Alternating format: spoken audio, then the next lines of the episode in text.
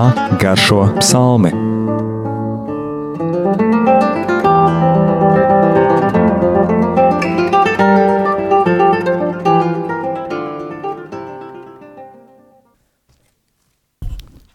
Slavēts Jēzus Kristus. Mūžīgi mūžos slavēts.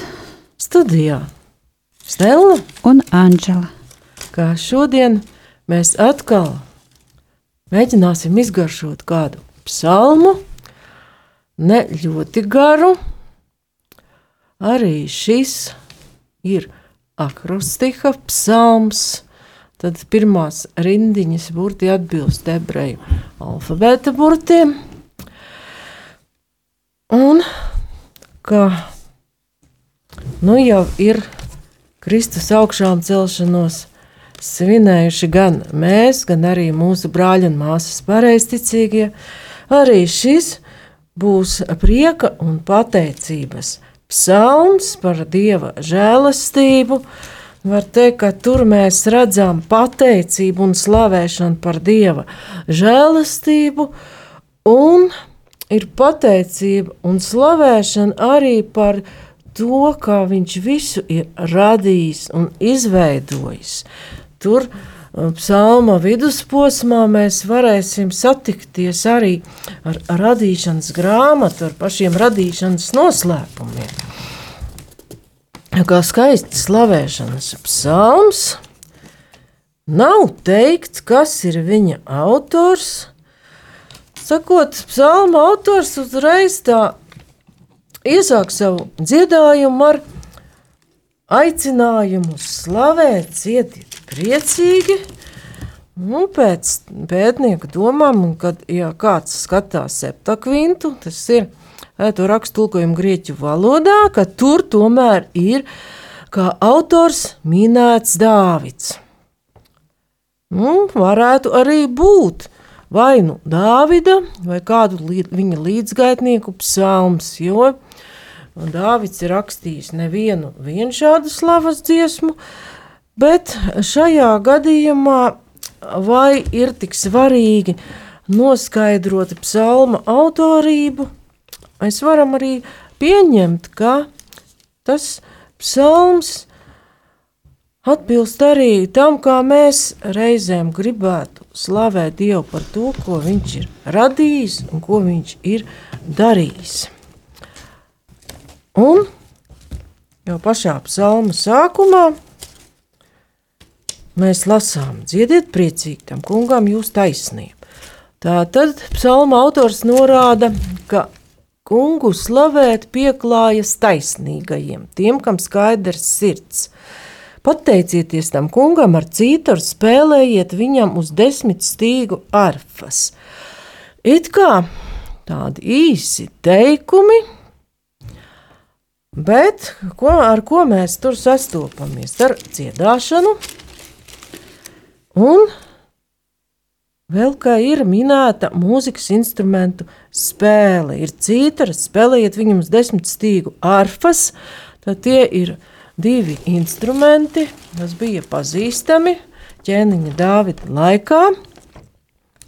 Un ko no mēs no tā varam izdarīt? Kādus secinājumus? Dažkārt ir tās pārdomas, sevišķi no cilvēkiem, kas ļoti ir pieķērušies eh, tradicionālam, eh, tā tradicionālai dievkalpojumu kārtībai, ka dažkārt ir tas jautājums, vai, teiksim, ar ģitāru, vai ar elektriskajām mērķelēm, vai vēl kādiem citiem instrumentiem, vai vispār drīkst spēlēt baznīcā. Šeit ir atbilde, ka cilvēks ir aicināts slavēt Dievu ne tikai ar savu balsi, bet ar visām tām prasmēm, kādas viņam ir dotas, tātad kādu arī ar tiem kādu prasmēm mūzikas instrumentu spēlē, kādas viņam ir dotas. Uh, Un nedaudz mēs te varam atcerēties arī ķēniņa Dāvida paša rīcību, kad derības šķirsts tika vests uz Jeruzalem. Atceries, kas tur notika. Un ka viņa sieva Mihala viņam pārmeta, kā viņš uzvedas. Nu, tur ir gandrīz paralēls ar to, kad reizēm ir tas uzskats, kā vai tādu un tādu mūzikas instrumentu vai formu drīkst lietot baznīcā. Tikai cits jautājums ir, kā tas ir saskaņots ar konkrētajiem svētkiem, dievkalpojumu un liturģiju un liturģijas vadītāju. Bet tie ir organizatoriski jautājumi. Psalms mums atbild, ka jā, cilvēks var slavēt ar visu to, kas viņam ir dots, spēlēt visdažādākos instrumentus. Un jāatceramies par Dāvidu, viņš pat dejoja derības šķirsta priekšā. Ja mēs atceramies šo aprakstu, arī otrā Samuela grāmata – 14, 16. Un Dāvids dejoja no visas savas sirds, tā kunga priekšā, un Dāvids bija apjosts tikai ar līnu efodu. Tā Dāvids un viss Izraēla nams pārveda kalnu tā kunga šķirstu ar gavilēm un tauras skaņām. Un redzam te vēl vienu instrumentu, tauri. Un notika, kad tā kunga šķirstu nesa iekšā Dāvida pilsētā, Tad Mihala saula meita bija izliekusies pa logu un skatījās, kad viņa ieraudzīja ķēniņu Dāvidu lēkājam un dejas solītā kunga priekšā dejojam, viņa to nonicināja un ienīda savā sirdī. Tad tāda cilvēciska reakcija, un 20. pantā mēs redzam, ka viņi iziet Dāvidam pretī un pasako domā – cik cienījam gan tu izturējies šodien, Izraēla ķēniņš, ka viņš bija gandrīz pilnīgi atsedzies sev pavalsnieku kalpoņu acu priekšā, kā to parasti dara tikai nelietīgi vīri. Nu, tāds ļoti cilvēcisks skatījums, nav ievērota etiķete, nav ievērots protokols, un nu, šī sieviete nesaprata šo Dāvida neviltoto prieku, ka derības šķirsts, kurā glabājas kunga likums, un vēl mēs tur lasām, ka viņš nedejoja šī šķirsta priekšā vai tā likuma plākšņa priekšā, viņš dejoja tā kunga priekšā. Ka viņš jau sajūsmu īsti nesaprot, ka viņai šis uh, galma protokols ir sirdī tuvs. Arī var papildināt ar uh, Svēta Pāvila pirmā vēstules korintiešiem, no pirmās nodaļas, sākot ar 27. pantu, bet Dievs izredzēja to, kas ir muļķīgs pasaulē, lai liktu kaunā gudros, un to, kas ir nespēks pasaulē, lai liktu kaunā stipru. Un kas pasaules neievērots un atstumts, un kas nav nekas. To Dievs izredzēja, lai izdeldētu to, kas ir kaut kas, lai nekas miesīgs nedižotos Dieva priekšā. Pateicoties viņam, arī jūs esat Kristo Jēzu, kas mums ir gudrība no Dieva un taisnība un svētums un izpirkšanas maksa, lai būtu, kā ir rakstīts, kas dižojās, tas lai dižojās kungā. Paldies, kā šeit jau ir tāds kā komentārs šim it kā gan psalmas sākumam, kur vienkārši slavēšana, gan notikumam ar ķēniņu Dāvidu, Jo arī, jāatceras, jā. ka ķēniņš Dāvids jau arī bija niecība, it kā nekas no aitu, gan savju, gan, kad Samuels viņu svaidīja pa ķēniņu. Tā tad arī paņēma no nekurienes, no nekā. Nacīm redzot, Dāvids to paturēja vienmēr prātā un nekautrējās dejot kunga priekšā. Arī uh, Pāvila vēstulē Filipiešiem. 4. nodaļā mēs varam lasīt: Priecājieties, kungā, vienmēr! Es sacīšu vēlreiz: priecājieties, lai jūsu pateicība, pieticība top zināma visiem cilvēkiem. Kungs ir tuvu. Paldies! Un te šo prieku jaunajā derībā jau varam saistīt ar tālāko pantu Dāvida 33. psalmā. Dziediet viņam jaunu dziesmu, skandiniet jauki ar baznūtēm. Kā uzreiz uh, tā acīs ielikt šie vārdi, dziediet viņam jaunu dziesmu. Un kā saprast, kas ir šī jaunā dziesma? Kā pētot šo psalmu, es nedaudz izmantoju arī Svētā Jāņa Pāvila 2. 2001. gada katehēzi, atsevišķas domas no tās. Un kā viņš saka, jauna dziesma, jauns nozīmē ko neparastu, kas nesen radies. Viņš to redz kā jauna dziesma, un jau iet jaunās darbības virzienā, apbrīnojot iemiesošanos.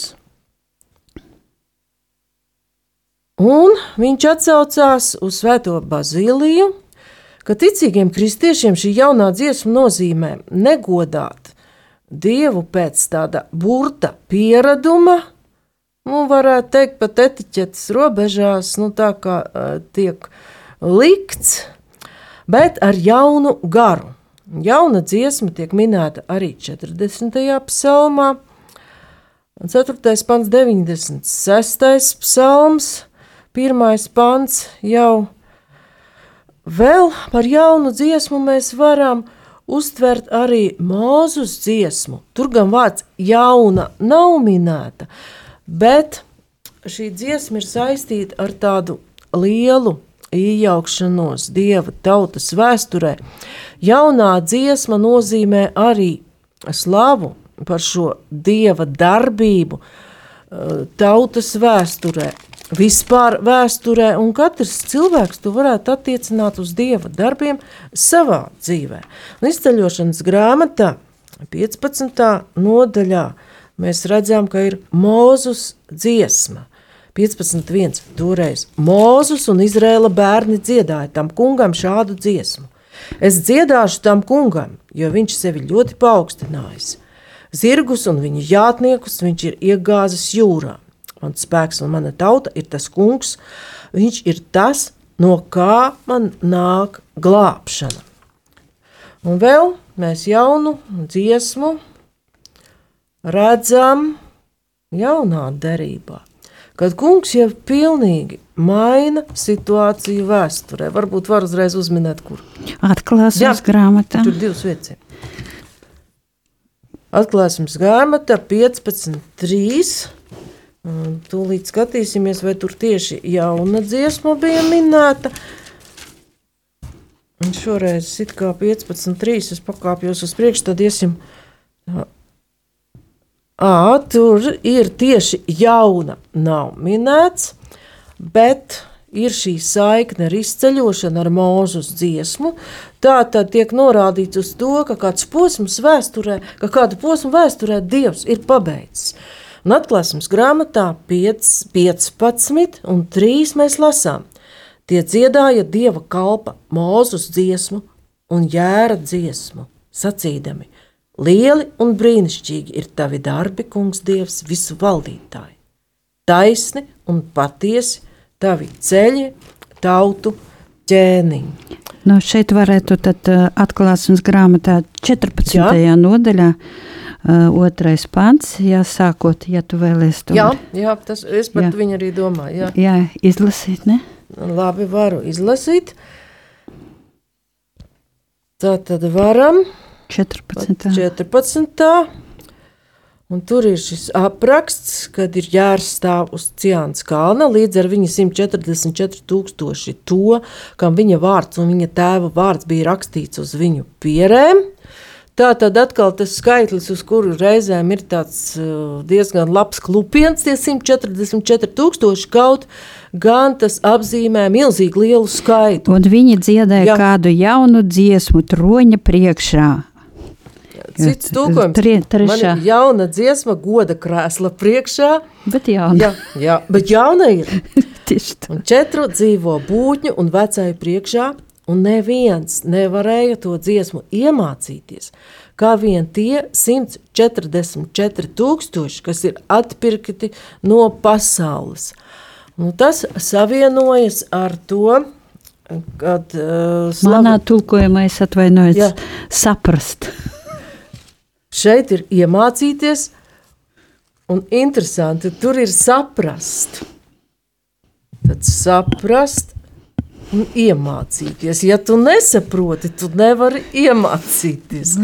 Arī tā mēs to varam. Ļoti labi, ka ir cits tulkojums. Jau redzam, ka pat divi latviešu, valodas, latviešu valodā Bībeles, divas Bībeles ir ar tik atšķirīgu teikumu konstrukciju un vārdiem. Bet nonākam pie secinājuma, tā ir jauna slavas dziesma kungam, kurš ir atvēris jaunu lapusi vēsturē un atklāsmes grāmatā. Tā jau ir jaunā debesis, jaunā zeme un debesis Jerusalem.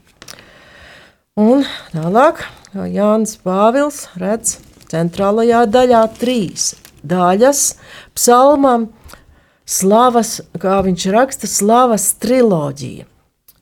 Un no 6. līdz 9. pantam ir tas, ko es jau minēju. Un, Jānis Pāvils saka, tiek svinēta radīšana, slavēts Dieva radošais vārds. Jo psalmists raksta, ar tā kunga vārdu ir radītas debesis, un viss debesu spēks ir radīts ar viņu mutes elpu. Un viss debesu spēks, nu tur jau mēs varam ietvert arī visas redzamās, neredzamās būtnes, arī īpaši šīs neredzamās. Tālāk ir viņš sakrāja jūras ūdeņus, kā kādā traukā viņš glabās traumas savās krātuvēs lai to kungu bīstas visa pasaule viņa priekšā, lai drēb visi zemes iedzīvotāji, jo viņš runāja. Un tā notika, viņš pavēlēja, un viss radās. Un šeit es papildināšu no atklāsmes grāmatas, ja? 14. panta 6. 14 Nodaļa. nodaļas 6. panta, un es ieraudzīju citu eņģeli, lidojam augstu debesīs. Viņam bija dots sludināt mūžīgo evaņģēliju zemes iedzīvotājiem, ikvienai tautai, ciltī, valodai un ļaudīm. Viņš runāja varenā balsī: Bīstieties Dieva! Un slavējiet viņu, jo viņa tiesas stunda ir klāt. Pielūdziet to, kas radīs debesis un zemi, jūru un ūdens avotus. Paldies! Tad šeit jau atklāsmes grāmatā mēs redzam šo pēdējo tiesu. Iepriekš jau nedaudz varam pieskarties dažiem momentiem psalmista teiktajā. Un atkal ir uh, šīs uh, tulkojuma problēmas, lai bīstas un slavē, bet mēs atceramies to, ka bijāšana ir gudrības iesākums, un īpaša nozīme ir šī jūras ūdeņa savaldīšana, sakrāja traukā. Jo ebreju tradīcijā jūra bija kas slikts, tur mīt nezināmais, biedējošais ļaunums, Un vēl ir tāds interesants moments. Viņš glabā traumas savā krā, savās krātuvēs. Nu, liekas, ka viņš ūdeņš ir savāds traukās un savaldījis ļaunumu spēks nolikt traukā, bet krieviski ir palažil bezdnovs v hranīļšķah. Kas iznāk ielicis bezdibeni glabātuvēs. Bezdibens ir ļaunuma vieta. Tātad Dievs ir kungs par to. Un arī ar šo mēs bezdibeni un tā spēku savaldīšanu mēs sastopamies jau minētajā atklāsmes grāmatā. 9, 1. Un bazūnēja piektais eņģelis, un es redzēju, zvaigzni krītam no debesīm uz zemi Te tika dota bezdibeņa akas atslēga, tā atvēra bezdibeņa aku, un no akas pacēlās dūmi, kā liela cepļa dūmi aptumšojās un gaisa no akas dūmiem. No dūmiem nāca siseņi uz zemi, un tiem tika dota vara līdzīga skorpi zemes skorpionu varai. Bet visu laiku mēs redzam, ka dievišķais ir pārsvarā, ka dievišķais kontrolē šo ļaunumu. Bazūnē piektais eņģelis, bazūnē dieva sūtnis. Un, un var saprast, ka tai zvaigznei tiek dota šī bezdibeņa akas atslēga, bet tas ir uz ierobežotu laiku. Tad mēs vēl redzam 21. jau situācija mainās, bet tur arī šis bezdibens ir minēts.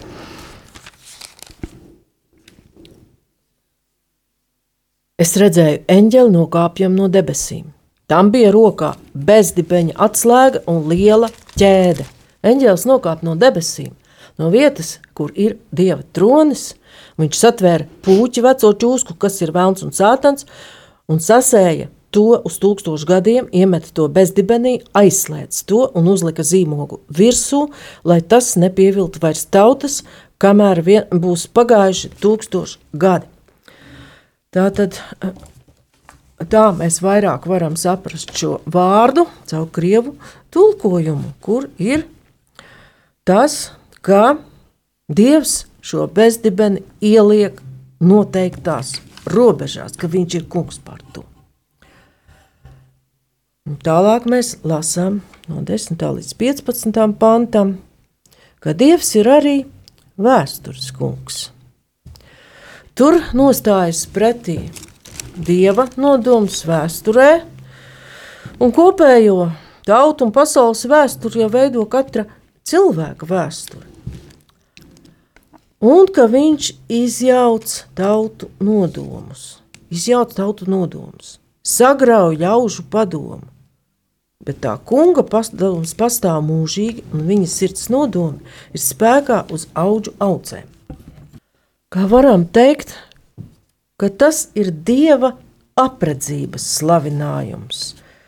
Un 120. Psalma, 127. psalmā, 1. pantā mēs lasītu, ja Dievs namu neuzceļ, nu, valsti arī varam uzskatīt kā namu civilizāciju, tad velti pūlas tie, kas to ceļ. Un tālāk, jau 12. pantā, svētīgā tauta, kam tas kungs ir par dievu, tie ļaudis, ko viņš sev izredzējis par īpašumu.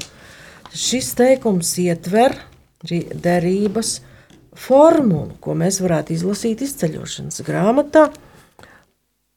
Sestā nodaļa, ka Dievs ir tas, kas izradz sev šo tautu, un lasām seši, septiņi. Un es ņemšu jūs sev par tautu un būšu jums par dievu, un jūs zināsiet, ka es esmu jūsu dievs, tas kungs, kas jūs izvedis no Ēģiptes zemes. Tad redzam, ka Dāvida salms ietver arī šo derības formulu. Un tālākajos pantos mēs redzam, ka kungs pilnībā pārskata to, kas notiek, ka viņa apredzība atšķiras no mūsu viedokļiem un domām. Tas kungs raugās no debesīm, tad kungs raugās no citas vietas. Viņš pilnīgi pārēc šo laukumu. Uh, kāpēc viņš pats to visu ir radījis?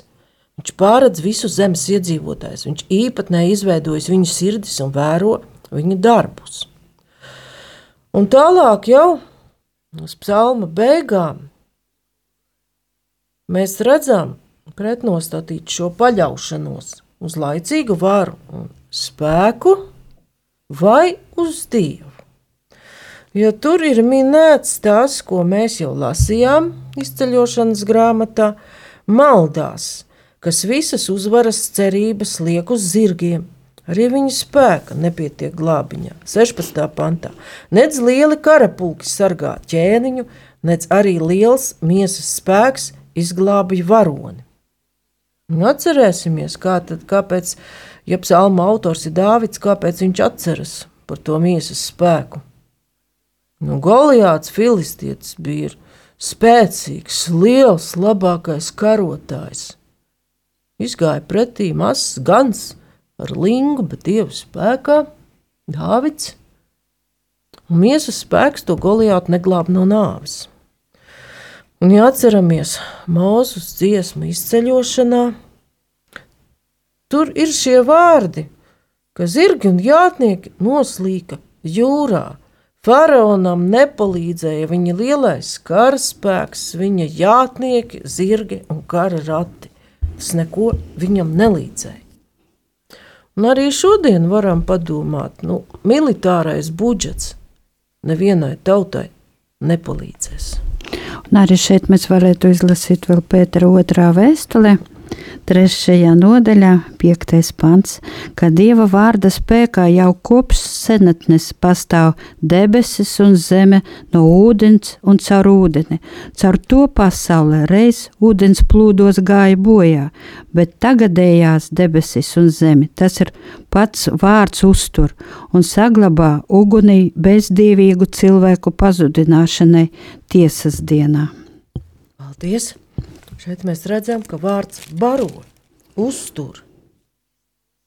Un kā psalmists, jo tuvojoties psalmu beigām, raksta, redzi, tā kunga acis vēro tos, kas viņu bīstas un cer uz viņa žēlastības, lai viņš to dvēseles izglābtu no nāves un uzturētu viņus dzīvus bada laikā. Un atkārtotā likuma grāmatā mēs lasītu vārdus, astotā nodaļā, ko saka arī pats Jēzus, kad tuksnesī tiek kārdināts.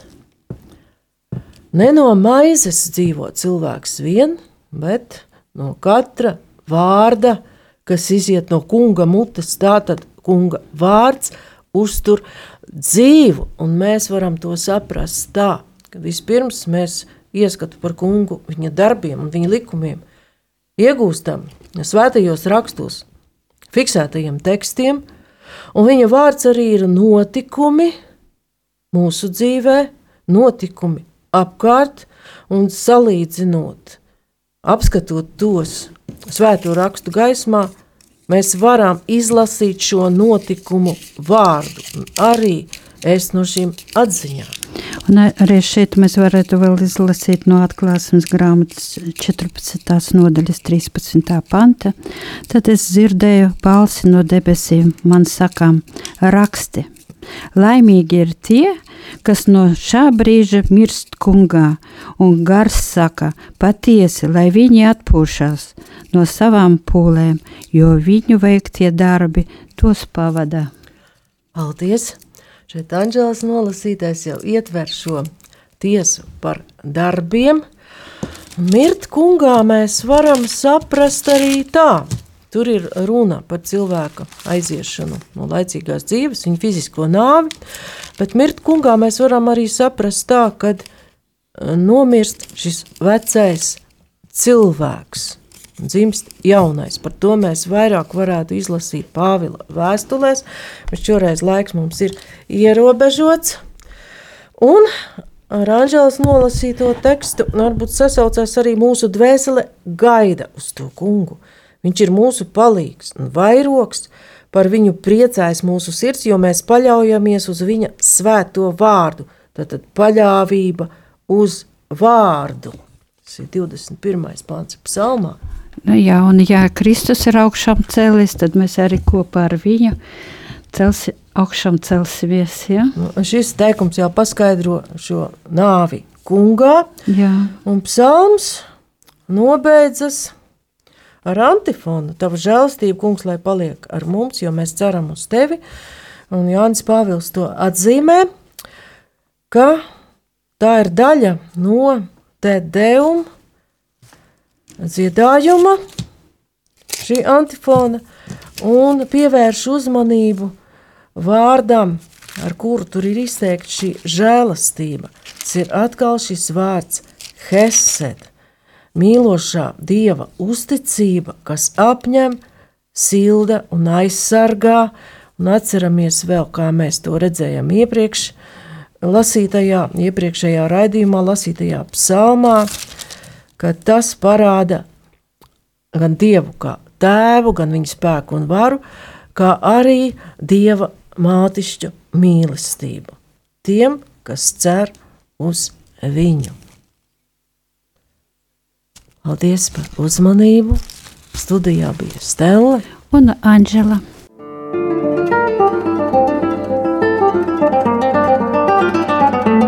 Kā garšo psalmi?